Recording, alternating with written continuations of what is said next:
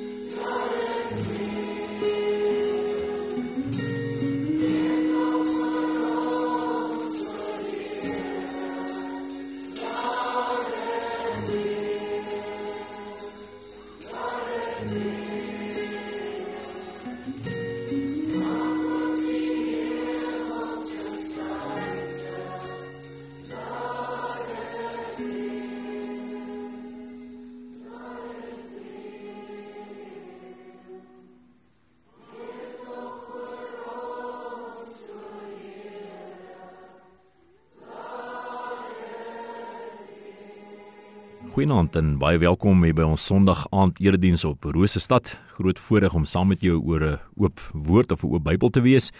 En uh, ek wil jou nooi om intussen na Kolossense 3 vanaf vers 1 te blaai. Ons gaan uit dieselfde skrifgedeelte as vanoggend gesels oor sondebewustheid. Interessante tema wat ons vanaand gaan hanteer in ons aand erediens. En uh, terwyl jy dan na toe blaai, my naam is Neville Goodchild van die Lewende Woordbediening in Bloemfontein. En dit is 'n groot voorreg om hierdie week hier op Rosestad saam met jou tyd te kon spandeer uit die woord van die Here. Kom ons lees uit Kolossense 3 vanaf vers 1. Ek lees vir jou uit die ou Afrikaanse vertaling, die 53 vertaling met ander woorde. En dan gaan ons bid voordat ons gaan gesels oor vanaand se tema.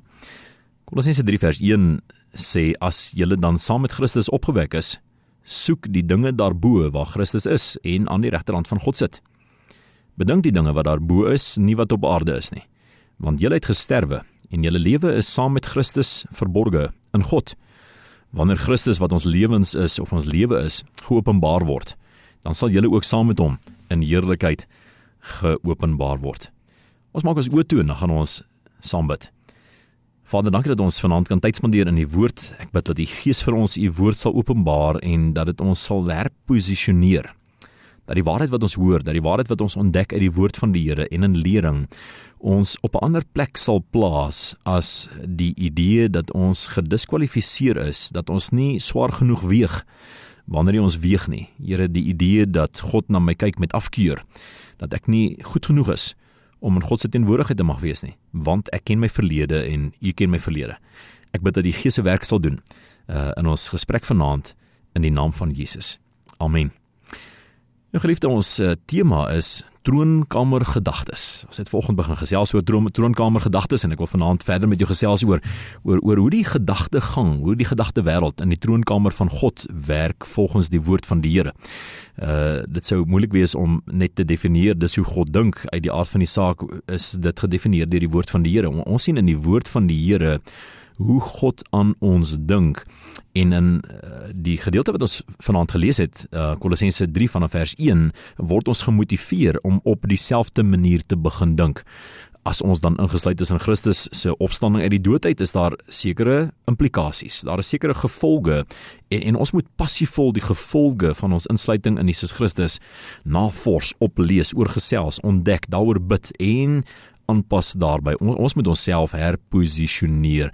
So wat ons wil doen is ons wil onsself posisioneer deur die waarheid wat ons ontdek in 'n plek van vrymaking, eh, in 'n plek waar ons reg dink soos God dink oor ons en ons lewens en miskien vir vanaand se tema eh, oor ons verlede. Daar heers 'n sondebewustheid onder baie gelowiges en miskien klink dit of ek bietjie veralgemeen, maar miskien stem jy later saam met my wanneer jy weer hoor wat ek probeer sê, uh sondebewustheid. Uh sondebewustheid is 'n is 'n sterk tema, 'n prominente tema uh en belewenis onder baie gelowiges. Ek glo veral in ons land hier in die suide van Afrika is dit so 'n deel van ons woordverkondiging en ons verstaan ons insig, ons opsomming, ons konklusie van dit wat ons lees en die manier wat ons ons Bybel interpreteer dat ons dikwels gereeld bewus is van ons sonde. Uh ons ons het soveel keer gehoor dat ons sonde is die grootste tema uh van ons verhouding met die Here. Dis die belangrikste ding wat ons in ons gebed dalk moet aanraak is sonde vergifnis en so meer. En ek sê nie dat sondebewustheid geen doel het nie, maar maar hoe ons bewus is van ons sonde het 'n baie groot effek en kan geweldige implikasies hê in ons geestelike belewenis, in ons geestelike verbonden of gebondenheid of dan andersins ons geestelike vrymaking as ek ongesond bewus is van my eie sonde toestand of my onvermoë um, om te doen wat God wil hê ek moet doen of om meer te wees soos Jesus kan dit my op 'n plek laat wat ek gediskwalifiseer is om met vrymoedigheid deel te neem aan alles wat die Nuwe Testament my nooi om aan deel te neem.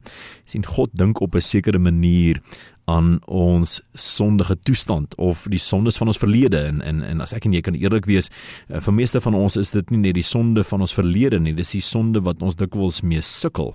Dis die sonde wat ek vandag moet bely die sonde wat ek dalk môre gaan moet bely en um, en en wat ons in wil spreek hier is nie um, het jy die vermoë of het ek en jy die vermoë om nooit weer te sondig nie? Ek dink nie dis heeltemal die tema van die Bybel nie. Uh, die tema van die Bybel is eerder hoe dink en wat doen God met ons onvermoë? Hoe het hy voorsiening gemaak vir ons onvermoë? Wa waarvoor het die bloed van Jesus Christus voorsiening gemaak in ons lewens? En uit die aard van die saak en ek sê dit sommer reg aan die begin van vanaand se boodskap nooit met die vertrekpunt dat dit beteken dat ons net dood eenvoudig in sonde kan voortleef nie. Uh die woord is baie duidelik hieroor dat ons nie die genade van God kan misbruik nie. Romeine 6 vers 1 hanteer dit en dit is baie beslis deel van ons mentaliteit, van ons teologie. Ons kan nie dit misbruik nie. Maar die feit dat ons met sonde sukkel of onlangs weer sonde gedoen het of versoek word deur sonde, beteken nie dat ons die genade misbruik nie, maar wel dat ons op die genade kan en mag aanspraak maak sonder om dit te misbruik. Die feit dat ek iets gebruik beteken nie ek misbruik dit nie. Uh, ons ons wil dikwels 'n baie dun lyn trek, weet en dit aksentueer. Ek wil amper sê 'n uh, bietjie te veel maak van die feit dat ek God se genade nodig het en dan baie versigtig moet wees dat ek dit nie misbruik nie. Uh, ek dink ek dink daar's 'n redelike breë lyn tussen die genade moet gebruik en die genade misbruik. Ehm uh, meeste van ons moet die genade van God gebruik, aanspraak maak op die genade van die Here en God het voorsiening gemaak dat ons wel die genade kan gebruik. So net om daardie gedagte af te sluit sonder om vir jou te veel vrae te skep, is uh hoe hoe verstaan ek dan die genade? Wanneer gebruik en wanneer misbruik ek? Wanneer moet ek dit gebruik? Wanneer moet ek dit nie meer gebruik nie? Uh miskien kan ek net hierdie stelling maak oor my insig in genade. Genade verskoon nie jou sonde nie. Wanneer sal ek dit gebruik vir 'n verskoning? Genade verskoon nie sonde nie. Genade bevry van sonde. Dit is baie belangrik dat jy hierdie sal prosesseer, sal verstaan om die genade vraag te antwoord. Wanneer gebruik ek en wanneer misbruik ek die genade? Luister hier is 'n stelling: genade verskoon nie sonde nie. Genade bevry van sonde die regte genade, die die die die die Jesus tipe genade. Hy het nie mense net verskoon van hulle sonde nie. Mense het nie weggekom met hulle sonde nie. Mense is bevry van hulle sonde. Goed so, ek wil met jou gesels oor ons sondebewustheid. Craig Rochelle sê dat ons lewens beweeg en groei altyd in die rigting van ons sterkste gedagtes. Hoe ons dink bepaal waarheen ons lewens groei en beweeg en éventueel beland. Om bevry te wees van sondebewustheid beteken nie dat daar nie gevolge is vir ons sonde nie. Beteken ek kan leef soos ek wil nie. Dit beteken wel dat God so effektief met ons sonde afgereken het dat ons nie net vergewe is nie. En dit op sigself as 'n groot gedagte al. Maar ons is nie net vergewe nie. Ehm uh, ons kan nie net vergifnis ontvang nie, maar dat ons gewete skoongemaak is van skuld en veroordeling of die skaamte van ons vorige oortredings. Ek wil hierdie weer vir jou lees as jy my kan vergewe daarvoor. Miskien het jy die eerste keer baie mooi gehoor en verstaan, maar maar hier is 'n 'n mond vol. Bevry van sondebewustheid beteken nie daar is nie sonde nie of daar is nie gevolge vir my sonde nie. Daar is gevolge vir jou sonde. Selfs al is jy vergewe, daar's sondes wat gevolge het. Selfs al is ek vergewe en dit verdwyn nie omdat ek vergewe is nie. Dis net die gevolge, geestelike gevolge wat God mee gaan reken. Dit beteken nie ek kan leef soos ek wil nie. My sonde maak skade. My, my sonde het implikasies en gevolge en maak baie dikwels ook skade in my verhouding met ander mense. Dit beteken wel dat God so effektief met sonde afgereken het dat ons nie net vergewe of vergifnis kan ontvang nie maar dat ons gewete skoon gemaak is dat daar met ons mentaliteit gedeel is, afgereken is. Die idee dat ons skuldig is en veroordeel is. God het met ons gewete gaan deel. Of die idee dat ek moet skaam wees oor my verlede. God het gaan deel met die feit dat jy nodig het om skaam te wees oor jou verlede. Geliefde, ek hoop hierdie is vanaand vir jou wonderlike nuus en ek wil hierdie nuus vir jou in mooi Afrikaans weer herhaal. Die bloed van Jesus Christus het jou nie net vergewe sodat jy die ewige lewe kan erf nie, maar intussen moet jy met jou kop gebo, skaam, onvrymoedig in 'n gemeenskap voortbly ploeter omdat jy dink die gemeenskap weet of in die kerk skaam wees en nie kan deelneem aan vrymoedige aanbidding en lofprysing nie want God weet wat ek weet en ek weet ek het gesondig en God weet ek gesondig en ja ek weet hy het my vergewe maar hy weet Nee, dis nie die gedagte nie. Die bloed van Jesus Christus het so effektief gedeel met jou sonde dat jy vrymoedig kan wees en finaal kan deel met jou skaam wees oor jou verlede. Jou skaam wees oor wat jy onlangs verkeerd gedoen het. Jou skaam wees oor jou onvermoë om getrou te wees. Jou skaam wees oor jou onvermoë om alles heilig en reg te doen. Jou skaam wees oor ek in sekere situasies en areas van my lewe die verkeerde keuses gemaak het en dat daar lewenslange gevolge is. Jou skaamte Jy sien God het met jou skuld, jou skuldig wees, jou skaamte, is jou gebroke identiteit as gevolg van jou sonde en jou seer, die implikasies gaan deel. Hy het met dit alles gaan deel. Hy hy wil nie net jou sonde vergewe en jou onskuldig verklaar nie. Hy wil nie net jou identiteit kom herstel en jou skaamte vervang met geregtigheid en nuwe kleed waarop jy kan trots wees nie. Hy hy wil selfs met die seer gaan deel, die seer, die hartseer, die pyn, as gevolg van wat ons verkeerd gedoen het. Jy sien die bloed van Jesus Christus was effektief geweest vir alles wat ons sal nodig hê, nie net vir sekere goed nie. Ek wil vir jou 'n storie vertel vanaand as ek mag 'n storie vir jou vertel. En en is my belangrik om te sê hierdie is nie my storie nie, is nie ek wat so oulik was om die storie uit te dink nie. Hierdie is 'n is 'n leier gewees wat iewers die storie vertel het en ek hoor die storie herhaal word want ek dink dit is so effektiewe storie wat hierdie leier vertel het, so ek wil dit ook herhaal en vir jou vertel. Jannie gaan kuier by oupa en ouma op sy plaas, op hulle plaas, skoolvakansie. Miskien was dit 1 Desember gewees en en Jannie en sy sussie Sannie is daar op die plaas en kuier by oupa en ouma en een middag maandagmiddag roep ouma daai die kombuis uit die kombuisvenster en sê skree vir Jannie, Jannie kom huis toe, middagete is gereed, ons gaan eet en Jannie is met sy ketty daar in die veld. Hy hoor ouma roep vir middagete en hy wikkel vinnig terug daar na die agterdeur toe, maar op pad agterdeur toe skiet Jannie so laaste skoot met 'n klip daar in die ganskamp in en hy tref 'n gans. Die gans is dood. Jannie skrik om boeglam en hy kyk links en regs, hy sien niemand kyk nie en hy trek die gans daar agter 'n hok in wat niemand gaan soek nie en daar lê die dooie gans, net Jannie weet. Dat Jannie die gans dood geskiet het, stap by die agterdeur in, groet vir oupa en ouma en vir Sunny wat reeds aan die tafel sit, was sy hande en en gaan eet. Oupa bid hulle eet en uh, toe hulle klaar geëet het, vra ouma, uh, "Wie gaan ouma help met die skorrelgoed vanmiddag?" En Sunny sê ouma Jannie sal help met die skorrelgoed. En Jannie is nie heeltemal seker wat gebeur nie, maar Jannie sit met bietjie skuldgevoel wat oor wat nou net gebeur het hier buite en en en Jannie is nie doodseker oor alles om hom nie, maar hy weet hy het oortree. So so Jannie glimlag en sê ouma ek sal help die skorrelgoed was is reg. Sê maar kom oupa en ouma en Jannie en Sunny eet saam aan die einde van die ete vra ouma wie gaan my vanmiddag help met die skorrelgoed was. Sunny antwoord onmiddellik. Ouma, Jannie gaan ouma help. Ouma kyk verbaas na Jannie en Jannie glimlag en sê: "Dis reg ouma. Uh, ek sal die skool goed was." Jannie sukkel nog so 'n bietjie met skuldgevoel oor die vorige dag gebeur het alhoewel hy dink niemand het gekennis geneem nie, maar, maar hy sukkel met 'n met 'n skuldgevoel. Woensdag kom oupa en ouma en Jannie en Sannie eet saam en ouma vra aan die einde van die ete: "Wie gaan vanmiddag die skool goed was?" En Sannie kyk op en antwoord vir oupa en vir ouma sê: "Ouma sal nie glo nie. Jannie het gesê hy wil die skool goed was." Janie is te onvrymoedig oor wat maandagmiddag gebeur het en te sê ek gaan nie skool goed was nie is nie my beurt nie om homself te verdedig en op te staan vir sy regte nie. Janie buig die knie en sê dis reg ouma ek sal die skool goed was. Ouma kan nie glo wat sy hoor nie maar Janie was hierdie week die skool goed. Donderdag kom en ouma vra aan die einde van ete vanmiddag wie gaan vanmiddag help om die skool goed te was. Sannie kyk vir Janie Jannie weet hy skuldig. Hy is seker wie almal weet nie, maar hy weet hy is skuldig en Jannie antwoord sommer self, sal donderdagmiddag, ouma, ek sal die skool goed was. Ouma kan nie glo wat sy hoor en sê sê Jannie, wat, wat is aan die gang dat jy deesdae skool goed was? En Jannie kan net nie hou nie en Jannie breek en Jannie begin huil en hy sê ouma, ek kan net nie hou nie. Um ek weet nie hoe om dit te sê nie, ek is ek is skuldig.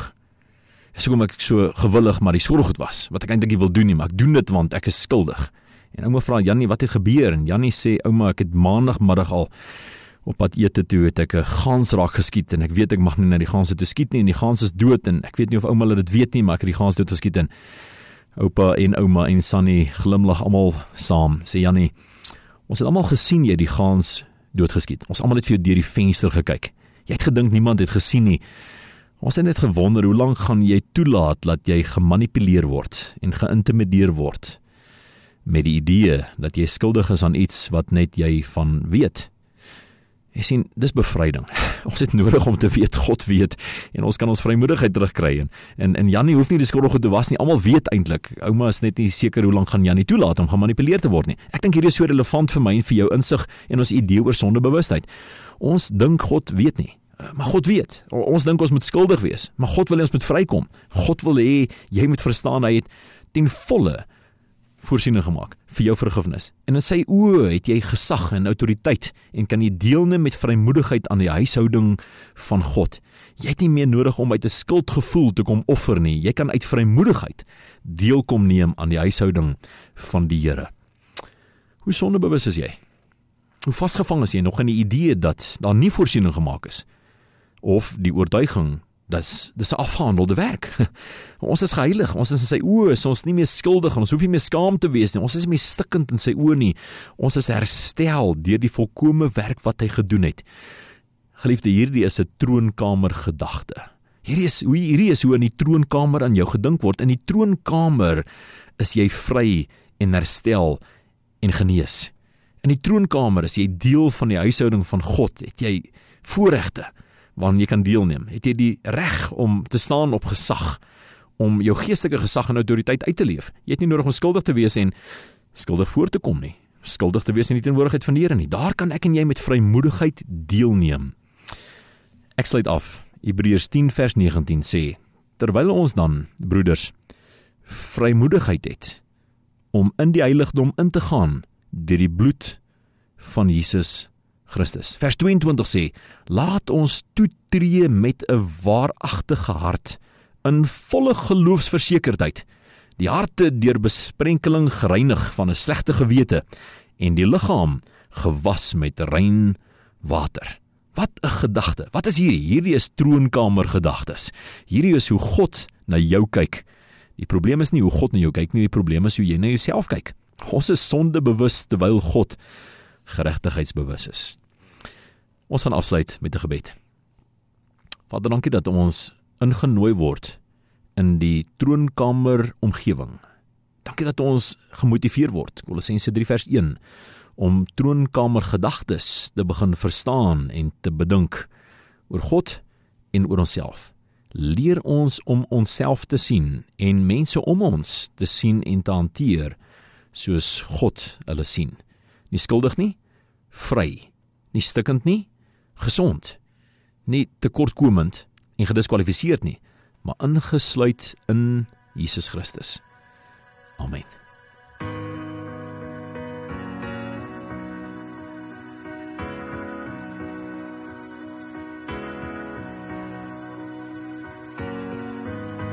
No shadow comes without the light making a way.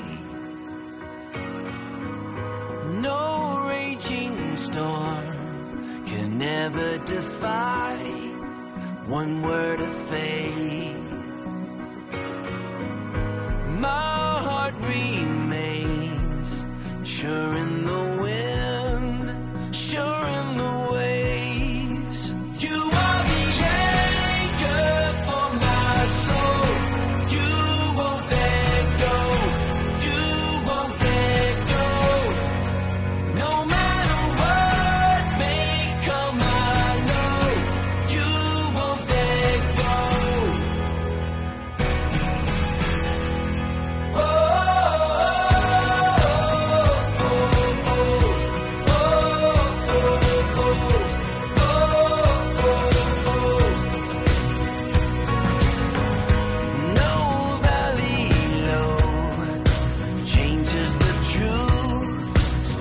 not afraid.